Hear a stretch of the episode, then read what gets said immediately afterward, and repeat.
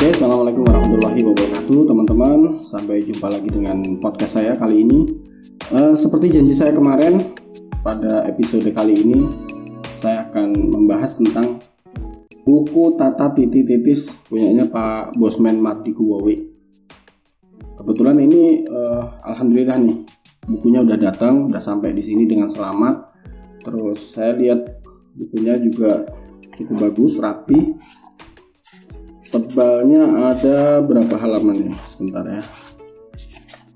329 nah tebalnya ada 329 halaman. Ini covernya hardcover terus judul di depannya ada tata titik titis cara cerdas fokus dan tuntas meraih kemakmuran. Pertama kali saya melihat buku ini di iklan saya terima iklan Facebook.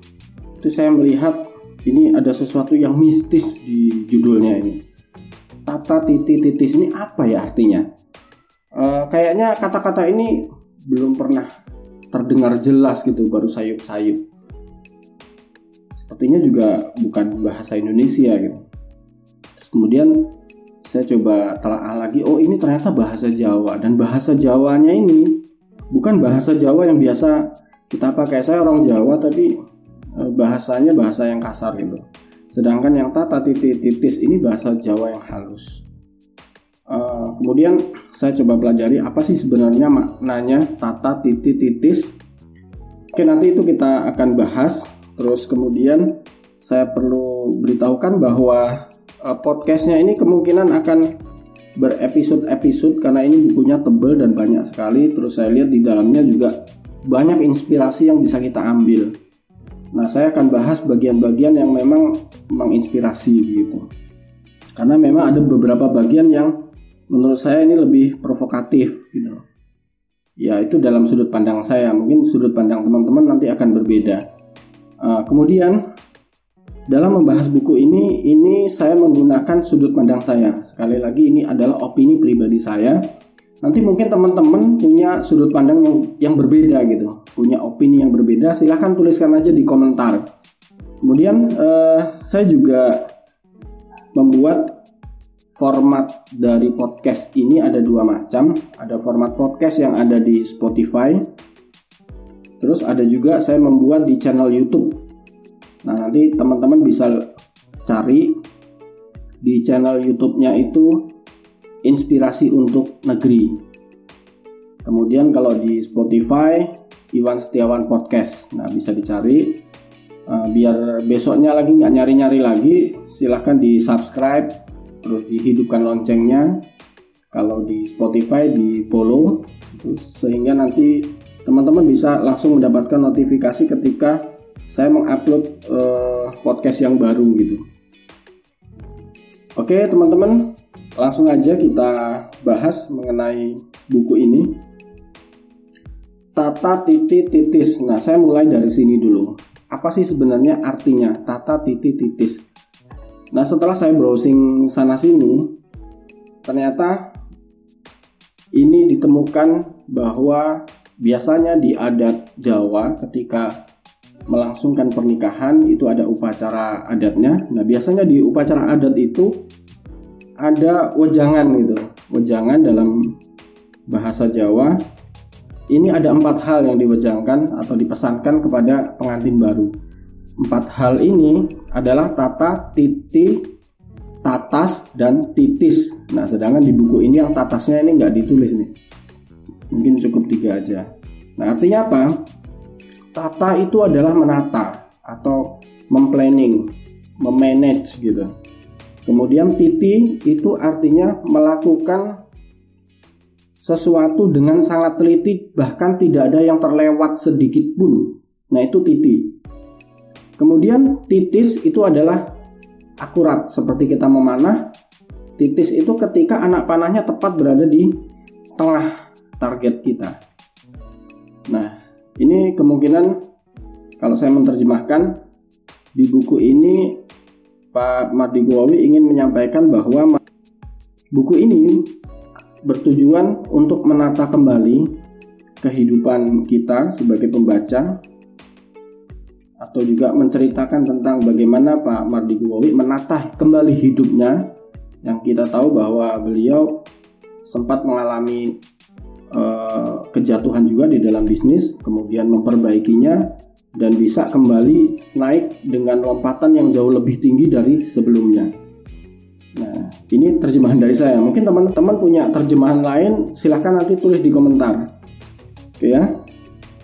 Eh, di sini juga ada cara cerdas, fokus dan tuntas meraih kemakmuran. Artinya ya buku ini mengajak kita semua untuk mengubah hidup kita dari yang kurang makmur menjadi lebih makmur gitu. Karena di atas langit kan pasti ada langit lagi. Mungkin kita sudah merasa makmur tapi ada yang lebih makmur lagi dan kita bisa mencapainya, meraihnya seperti itu. Uh, Oke, langsung aja kita buka di sini dari daftar isinya banyak banget nih. Banyak banget daftar isi. Saya bacakan dulu sekilas ya judul-judul babnya. Ada prolog, bahan bakar kemakmuran, tensi tinggi, melihat diri sendiri, pendapat Anda tentang diri Anda, milik negara, unik itu anugerah, hegemoni ekonomi, platform ekonomi, apakah Anda memerlukan sesuatu yang baru, Berhentilah menunggu kondisi membaik, lalu lakukan sesuatu agar kondisi membaik. Saya ulangi ya. Berhentilah menunggu kondisi membaik, lakukan sesuatu agar kondisi membaik. Berkumpul dengan mereka yang membawa Anda ke atas. Masalah di belakang bahan bakar kemakmuran. Faktor penentu kemakmuran. Ketika logika berhenti, rasa menjadi segalanya. Sebuah self concept install OS. Jika masalah terjadi, maka ubahlah cara, jangan ubah tujuan. Apa susahnya mengubah cara? E, natur versus nurture ya mungkin ya bahasanya, e, bah, bacanya. How you play the game is. Dagang kok mikir, crowd gather, delete freeport, filosofi bisnis, tinggi mana, setuju sekuritisasi sekuritisasi kapitalisme lahir karena Indonesia conscious competence kesadaran berkemampuan. Cara pandang beda benturan permainan bola keramat bola keramat jatuh clear vision swargan nunut neraka katut belajar masak air. Wah ada juga ini belajar masak air. Ya ada tutorialnya juga jangan-jangan. Tutorial masak air gitu. Extraordinary yang diulang, the power of jamaah, saya seperti anjing, jual apa sebenarnya, bisnis anti mainstream, analisis bisnis, mengenal pola uang datang, jual asap itu lebih penting dari satenya, pola uang keluar, asimisasi, hal-hal yang perlu diperhatikan, delete pejabat berbisnis, jual aset lagi, gigi, mengubah cara hidup, BUMNisasi bastid, Bumbas, you don't know how much it hurt me to see my angel cry. Bisnis dan kemakmuran, definisi kebangsaan, multiple streaming of income, scale up versus bonsai, terus tentang penulis. Nah itu daftar isinya teman-teman. Ini banyak banget ini daftar isinya. Oke kita langsung aja ya, langsung aja kita bahas dari awal yang mulai dari prolog dulu nih bahan bakar kemakmuran eh, bahan bakar kemakmuran ini jadi Pak Mardigu itu sudah melakukan perjalanan bisnis bertemu dengan banyak orang yang sukses terus kemudian berusaha membuat sebuah data statistik mengapa sih orang-orang ini bisa sukses dan berangkatnya itu dari mana. Kenapa ada orang-orang sukses kenapa ada orang-orang yang tidak sukses. Padahal sebenarnya bahan baku manusia kan ya hampir sama lah mirip-mirip gitu. Nggak terlalu jauh beda makanannya juga sama sama-sama makan nasi gitu kan. Tapi kenapa ada orang yang sukses kenapa ada orang yang tidak sukses? Nah kemudian beliau mencoba menemukan alasan atau compelling reason mereka alasannya apa sehingga mereka itu bisa sukses seperti itu gitu nah perlu diingat lagi di dalam buku ini ada pelajaran mengenai millionaire mindset science to get rich. Wah, ini artinya apa nah ini? Millionaire mindset. Kalau saya menerjemahkan sih kemungkinan ini uh, mindset milioner ya. uh, science ini berarti ilmu pengetahuan nih to get rich untuk mendapatkan kekayaan gitu. Jadi untuk makmur menurut Pak Mardi Guwawi ini Anda tidak harus menjadi wirausaha tidak harus mempunyai perusahaan tidak harus berdagang atau tidak harus berbisnis tidak sama sekali gitu. Tapi seseorang itu menjadi makmur itu syaratnya hanya sederhana yaitu memiliki software kemakmuran wah apalagi nih software kemakmuran nanti kita bahas lebih dalam lagi ini di halaman-halaman berikutnya dibahas lebih detail tentang software kemakmuran ini atau juga disebut oleh oleh Pak Madi Guawi itu sebagai prosperity conscious. Setelah melakukan observasi tentang property conscious ini, ternyata ada 16 hal yang menjadi compelling reason atau alasan latar belakang sehingga orang itu menjadi sukses. Nah, ini ada 16 nih. Coba kita perhatikan satu persatu. 16 itu apa saja? Nanti coba Anda menilai teman-teman menilai apakah di dalam diri Anda, di, di diri teman-teman itu ada salah satu atau beberapa dari 16 ini. Dan untuk menjadi sukses, kata Pak Marduwawi, ini tidak perlu 16-16-nya kita miliki. Kita boleh memiliki satu saja, asal itu kuat kita pegang teguh, itu bisa menjadi uh, titik balik untuk menjadi kesuksesan buat kita. Nah, apa saja itu 16 itu? Yang pertama, Anda tidak tahan di bawah perintah bos. Nah, coba eh, menilik lagi ke dalam diri kita masing-masing.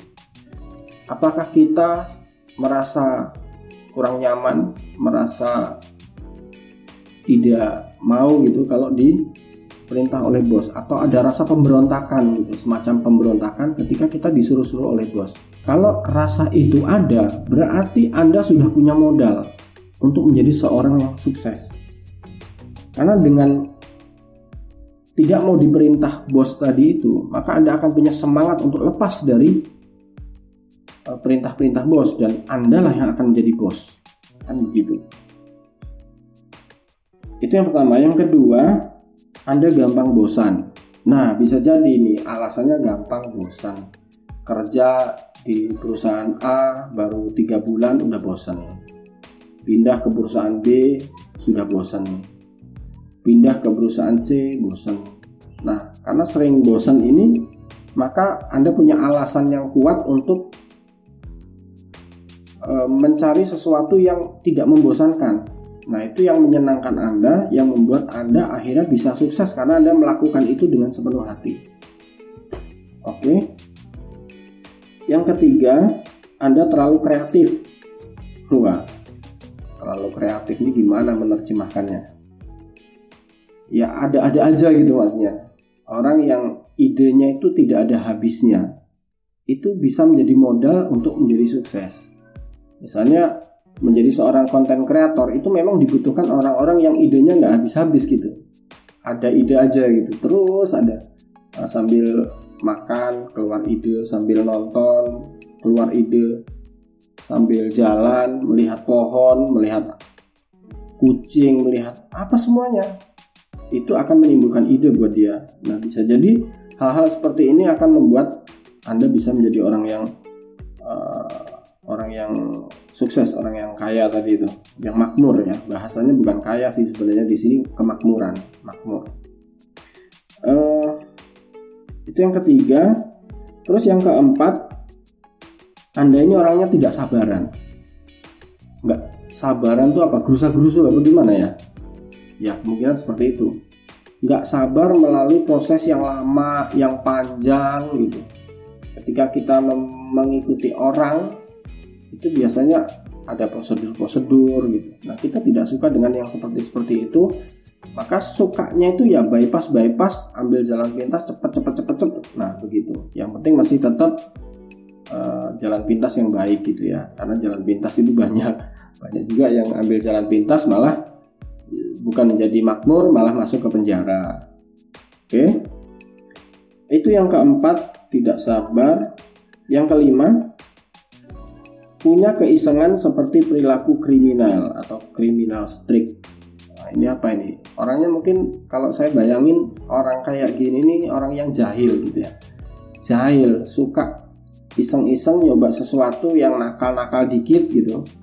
Yang keluar dari apa pakem kalau misalnya dulu sekolah sering lompat pagar misalnya begitu uh, sering upacara suruh pakai topi pakai dasi dia nggak pakai sepatunya suruh hitam malah pakai putih. Nah misalnya yang begitu begitu nah ini biasanya juga punya mentality untuk menjadi orang yang sukses.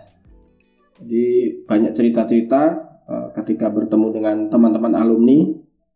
Ternyata yang orang-orang yang dulunya kita anggap dalam tanda kutip itu bandel suka keluar terus lompat pagar ternyata sekarang menjadi orang-orang yang lebih sukses dari yang dulunya itu terlihat pintar gitu, yang selalu dapat uh, ranking gitu. Nah ternyata ini menjadi salah satu alasan untuk menjadi orang yang sukses. Uh, itu yang kelima, yang keenam, Anda tidak berpendidikan yang cukup. Wah, ini menarik ini. Kok bisa ya? ketika seseorang tidak memiliki pendidikan yang cukup, ini malah menjadi sebuah trigger untuk menjadi alasan kuat untuk menjadi sukses gitu. E, kalau kita lihat cerita-ceritanya ini sudah banyak juga orang Indonesia yang seperti ini, yang pendidikannya terbatas tapi bisa mencapai kesuksesan yang luar biasa. Teman-teman pernah ini nggak baca kisahnya Vice President Citibank yang dari Indonesia. Nah, beliau itu adalah Hotman Zainal Arifin. Nah, beliau ini merantau ke Jakarta, pendidikannya sampai lulus SMA, artinya bukan sarjana. Pertama kali masuk ke Jakarta, si Hotman ini menjadi pedagang asongan. Eh, Si Hotman ini pertama kali adalah pedagang asongan, lulusannya SMA. Dia sering di jalan raya, terus uh, dari kolong jembatan, kemudian di lampu-lampu merah menjajakan dagangannya.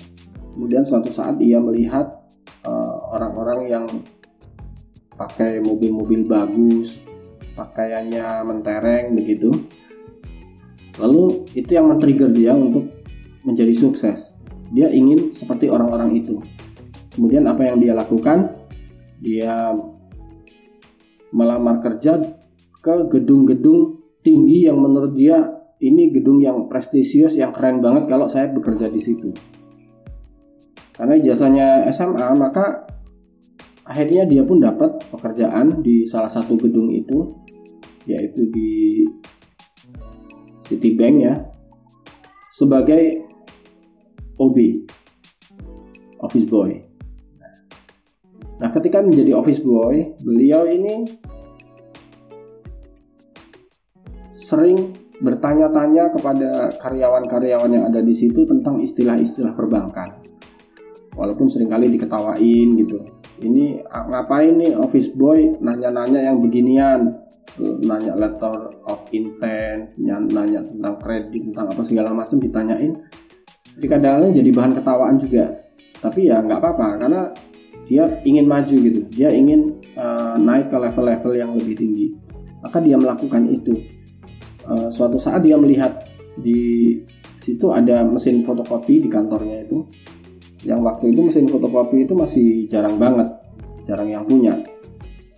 Nah, dia tertarik dengan mesin fotokopi itu kemudian dia minta diajari cara mengoperasikan mesin fotokopi itu kepada operatornya. Sekali dua kali dia minta diajarin, kemudian dia membantu. Nah, pada suatu saat si operator ini tidak masuk kerja. Nah, pada saat itulah dia punya kesempatan untuk mengoperasikan fotokopi. Nah, kemudian di sela-sela waktu kerjanya, uh, akhirnya dia naik level dari OB ke operator fotokopi. Kemudian di sela-sela kerjanya, dia sering membantu eh, karyawan-karyawan di situ untuk mengerjakan pekerjaan-pekerjaan mereka seperti misalnya uh, pasang stempel dan lain-lain itu dibantu kerjain.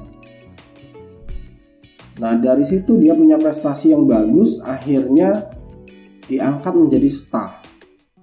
Nah mulai dari saat itu karirnya terus menanjak hingga ia menjadi vice president. Vice President Citibank itu adalah jabatan tertinggi di Indonesia karena presiden direkturnya itu di Amerika sana. Yang di Indonesia adalah vice president. Nah ini luar biasa sekali dari yang pendidikannya SMA ini bisa menjadi seorang vice president di sebuah bank internasional. Nah ini sangat menginspirasi.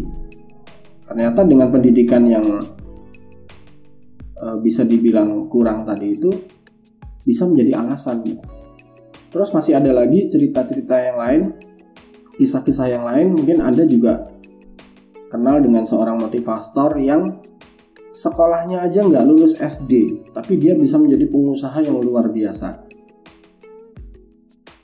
Coba tebak, siapa dia? Nah, kalau teman-teman yang zaman old pasti tahu deh. Tapi kalau yang anak milenial mungkin udah jarang dengar. Nah, dia adalah Andri Wongso.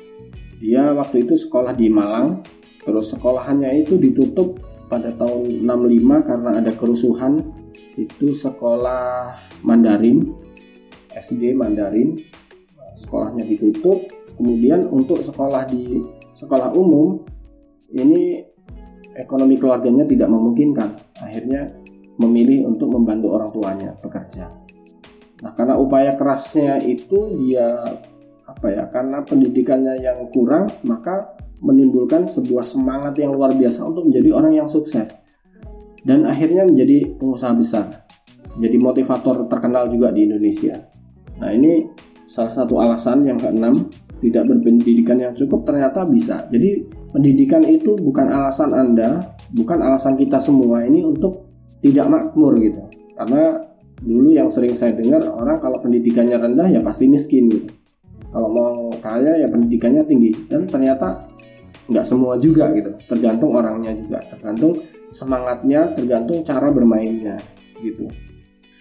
Itu yang keenam. Kemudian ini yang berikutnya ini yang ketujuh. Yang ketujuh anda terlalu berilmu. Dalam tanda kutip berilmu. Ini apa maknanya anda terlalu berilmu mungkin karena kita itu ngerasa pintar kali ya atau kita kebanyakan ilmu kebanyakan belajar nah ini juga bisa menjadi satu alasan karena banyak tahu banyak kompetensi, seharusnya kita bisa lebih cepat untuk berhasil. Seharusnya, walaupun kenyataannya tidak begitu. Ya, banyak orang yang punya kompetensi banyak tapi eh, keberhasilannya juga masih kurang. Nah, nanti akan kita pelajari kenapa kok bisa begitu. Di halaman-halaman berikutnya nanti tentang uh, software kemakmuran. Kemudian yang kedelapan, Anda tidak punya apa-apa atau nothing tulus nggak punya apa-apa artinya tidak ada beban gitu. Kalau saya dulu per pernah berseloroh begini kalau saya sih nggak punya takut untuk memulai usaha. Kenapa?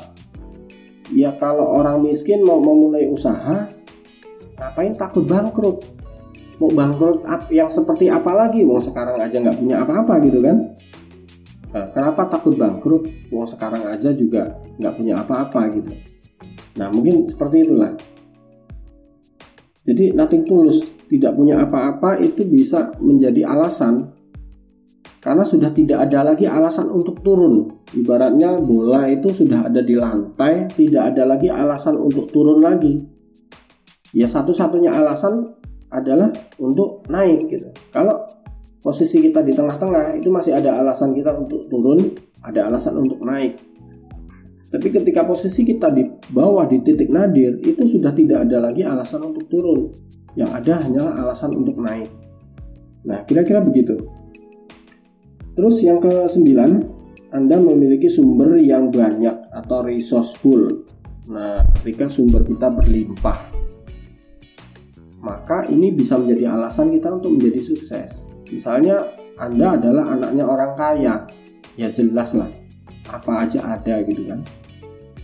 Mau, mau butuh modal ada mau butuh SDM yang keren-keren. Ini karyawan bapaknya banyak yang profesional tinggal tarik-tarik aja.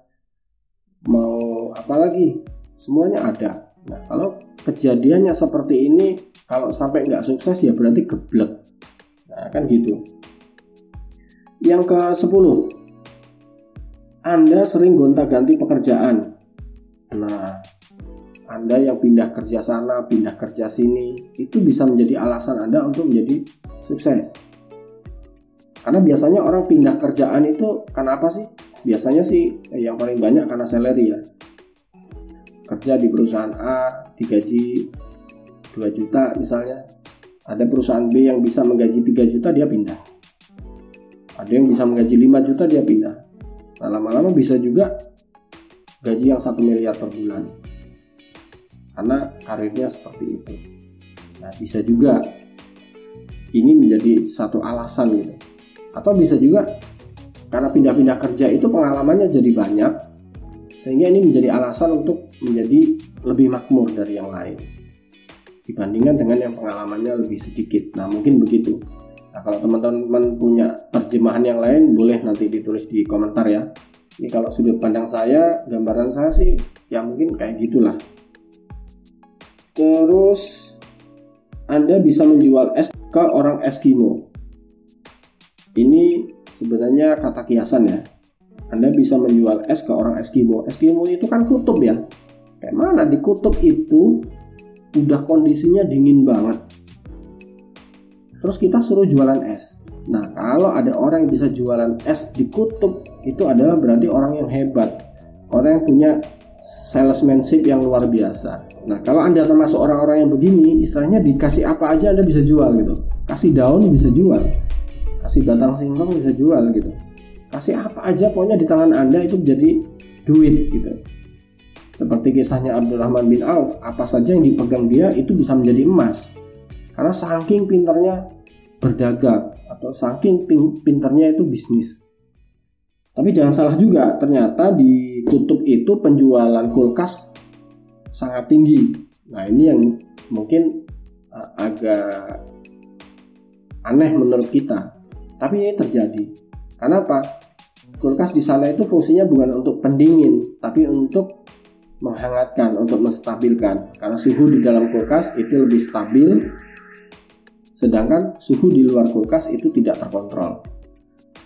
Itu tentang menjual es ke orang Eskimo. Kemudian, nah ini ada alasan lagi. Yang ke-12, Anda lelah miskin. Udah capek deh kayaknya dari kecil udah susah hidupnya belangsak gitu kan dalam apa ya udah susah pokoknya hidupnya susah sehingga punya impian untuk mengakhiri kesulitan hidup itu. Nah bisa jadi ini menjadi sebuah titik balik menjadi semangat atau compelling reason untuk anda menjadi sukses. Udah capek deh. Hidup miskin mau beli apa-apa harus nabung dulu harus nyari uang dulu untuk makan besok belum tergambar. Untuk makan hari ini nyarinya hari ini juga nah bisa jadi kesulitan-kesulitan hidup yang seperti ini ini bisa menjadi alasan yang kuat sekali untuk menjadi seorang yang sukses yang ke-13 Anda terlalu ambisius nah ini orang-orang yang ambisinya besar banget Ibaratnya kalau dia itu dikasih satu gunung, maka dia menginginkan lima gunung yang lain. Kalau dikasih satu gunung emas, dia pengen sepuluh gunung emas yang lain. Nah, orang-orang yang tipikal seperti ini punya semangat yang tinggi. Eh, apa pun halangannya, apa pun rintangannya akan dia terjang. Nah, ini bisa menjadi sebuah alasan untuk menjadi orang-orang yang makmur di kemudian hari. Kemudian yang ke-14, anda kecanduan dengan risiko atau addicted to risk. Ini adalah kalau sudut pandang saya ini saya menggambarkan seperti orang-orang yang tipikalnya itu risk taker, suka ngambil risiko, suka melakukan hal-hal yang bahaya. Yang orang lain itu kalau ngelihat ngeri-ngeri sedap gitu, tapi dia menikmati yang seperti itu. Kalau misalnya dia berinvestasi itu berinvestasi yang benar-benar high risk, ya kemungkinannya dua. Kalau nggak dia sukses besar, dia akan bangkrut besar. Kan begitu kalau yang high risk. Nah tapi orang-orang yang suka ambil resiko ini yang bahkan bukan hanya suka tapi kecanduan dengan resiko-resiko ini ini orang-orang yang dinamis dalam hidupnya yang tidak monoton gitu. Dia kalau nggak ada tantangan merasa pegel-pegel badannya gitu. Jadi dia selalu mencari tantangan baru tantangan baru tantangan baru yang lebih besar yang lebih besar lagi. Nah ini bisa menjadi sebuah alasan orang tersebut menjadi orang-orang yang makmur di kemudian hari. Kemudian yang ke-15 Hidup Anda kesandung-sandung penuh onak dan duri atau hard knock life. Kesandung-sandung penuh onak dan duri. Ini mungkin kalau saya gambarkan ini adalah orang-orang yang dalam hidupnya itu serba salah gitu melakukan ini kebentur melakukan itu kebentur juga. Melakukan hal baik aja bisa difitnah orang jadi jelek. Nah gitu. Kesandung masalah ini kesandung masalah itu. Jadi hidupnya itu penuh dengan masalah. Nah bisa jadi karena hidupnya ini penuh dengan masalah dia punya tekad besar untuk mengakhiri permasalahan-permasalahan itu. Seperti di sinetron mungkin ya nah di sinetron itu ada gambaran yang orang-orang yang tipikalnya itu begitu pokoknya kesandung masalah terus apa aja yang, dia pegang itu jadi masalah gitu. Nah ini sebaliknya dengan yang tadi itu apa aja yang dia pegang itu bisa menjadi emas. Gitu. ini sebaliknya. Uh, Oke, okay. itu yang ke-15, yang ke-16 Anda tidak punya pilihan atau has no other choice. Anda tidak punya pilihan lain selain sukses gitu. Selain Anda harus berjuang. Sudah tidak ada lagi diandalkan misalnya anda sudah kehilangan orang-orang yang selama ini mensupport hidup Anda. Anda hidup di perantauan misalnya, jauh dari orang tua, jauh dari saudara, jauh dari teman. Jadi sudah tidak ada alasan lagi untuk bergantung kepada siapa-siapa, minta tolong kepada siapa-siapa. Maka pilihannya cuma satu, Anda harus bisa sukses dengan hidup Anda. Ini saya sering dengar uh, cerita-cerita ada etnis tertentu di Indonesia saya nggak sebut namanya nanti disebut rasis ya. Ada uh, etnis tertentu di Indonesia itu kalau dia merantau ke suatu tempat hari itu juga uang sakunya harus habis entah dipakai judi, entah dipakai minum, dipakai makan-makan, dipakai pesta, pokoknya dipakai apa saja yang penting hari itu uangnya habis. Tujuannya supaya apa? Supaya besok pagi dia langsung bekerja untuk menghasilkan uang. Karena kalau dia masih pegang uang, posisinya dia akan berada di zona nyaman. Ah, besok aja lah mulainya. Kalau bisa dilakukan besok, kenapa harus dilakukan sekarang? Nah, mungkin ada yang punya prinsip seperti itu gitu. Nah, di etnis ini sangat terkenal banget deh. Pokoknya kalau dia merantau ke mana aja dia menjadi orang sukses. Yang tadinya itu cari rongsokan karena yang paling gampang kan itu ketika orang nggak punya modal nggak punya uang mau makan yang paling gampang nyari rongsokan ke tong-tong sampah dikumpulin botol-botol air minum plastik-plastik dikumpulin besi-besi dikumpulin dijual. Maka hari itu dia bisa makan dengan hasil dia mencari e, mengumpulkan sampah tadi mengumpulkan barang-barang bekas tadi. Nah, mulai dari yang seperti itu, dia terus melakukan, berkembang, dapat keuntungan, kemudian dia berubah dari yang tadinya cari rongsokan, dia mulai mengkoordinir teman-temannya menjadi pengepul, dia beli dari teman-temannya, kemudian dia jual lagi dan berkembang lagi menjadi lebih besar dan akhirnya menjadi seorang bos barang bekas yang luar biasa besarnya. Bahkan saya pernah dengar ceritanya di Surabaya itu ada bos rongsokan yang pendidikannya aja SD nggak lulus tapi sekali ngirim barang bekas aluminium itu ke luar negeri satu kapal kontainer itu full. Satu kapal apa ya namanya ya? Ya kapal kontainer itu. Itu full punya dia semua. Saya pernah dengar seperti itu. Nah dia mempekerjakan orang-orang hebat. Orang-orang yang sarjana-sarjana hebat. Hubungan internasional apa segala macam jurusannya itu dia rekrut untuk di bisnis dia jadi anak buahnya lebih pintar dari bosnya. Tapi tetap aja dia punya kompetensi yang tidak bisa digantikan oleh anak buahnya. Nah ini luar biasa. Nah ini juga kalau di Sirah Nabawiyah itu saya pernah baca uh, pasukan muslim yang sedang melakukan penaklukan ya penaklukan ke Andalusia. Itu begitu pasukannya datang si jenderalnya ini melihat wah kita ini kalah jumlah jumlah orangnya kalah terus perlengkapannya juga kalah. Akhirnya apa yang dia lakukan? Dia memerintahkan bakar kapalnya. Tujuannya apa? Biar tidak ada tidak ada choice lagi tidak ada pilihan lagi untuk kembali ke belakang. Pilihannya hanya satu maju berperang menang atau mati. Nah, kita sudah sering mendengar eh, perjuangan-perjuangan yang heroik seperti ini, termasuk di bangsa Indonesia juga merdekanya kan karena begitu. Karena sudah tidak ada pilihan lagi, ya sudah, jargonnya merdeka atau mati. Nah, ketika kita sudah punya jargon yang seperti ini, kita pada posisi yang seperti ini, ini bisa menjadi alasan yang sangat kuat sekali untuk kita menjadi orang-orang yang sukses di kemudian hari, orang yang makmur. Oke, itu dulu ya. Ini kalau podcastnya kepanjangan nanti teman-teman belenger bahasanya apa sih belenger ini? Bahasa Jawa. Bosan gitu ya oke ini masih banyak banget. Ini baru prolognya aja yang kita bahas. Isi bukunya belum. Ini belum isi bukunya. Nanti isi bukunya akan lebih uh, luar biasa lagi. Kita akan sambung di uh, video berikutnya. Nah kalau teman-teman merasa podcast ini bermanfaat silahkan teman-teman subscribe kemudian hidupkan loncengnya kemudian di share ke sosial media teman-teman supaya lebih banyak lagi orang-orang yang mendapatkan manfaat dari podcast ini.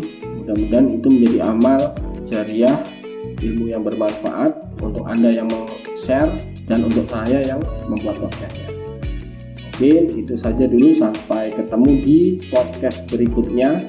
Assalamualaikum warahmatullahi wabarakatuh.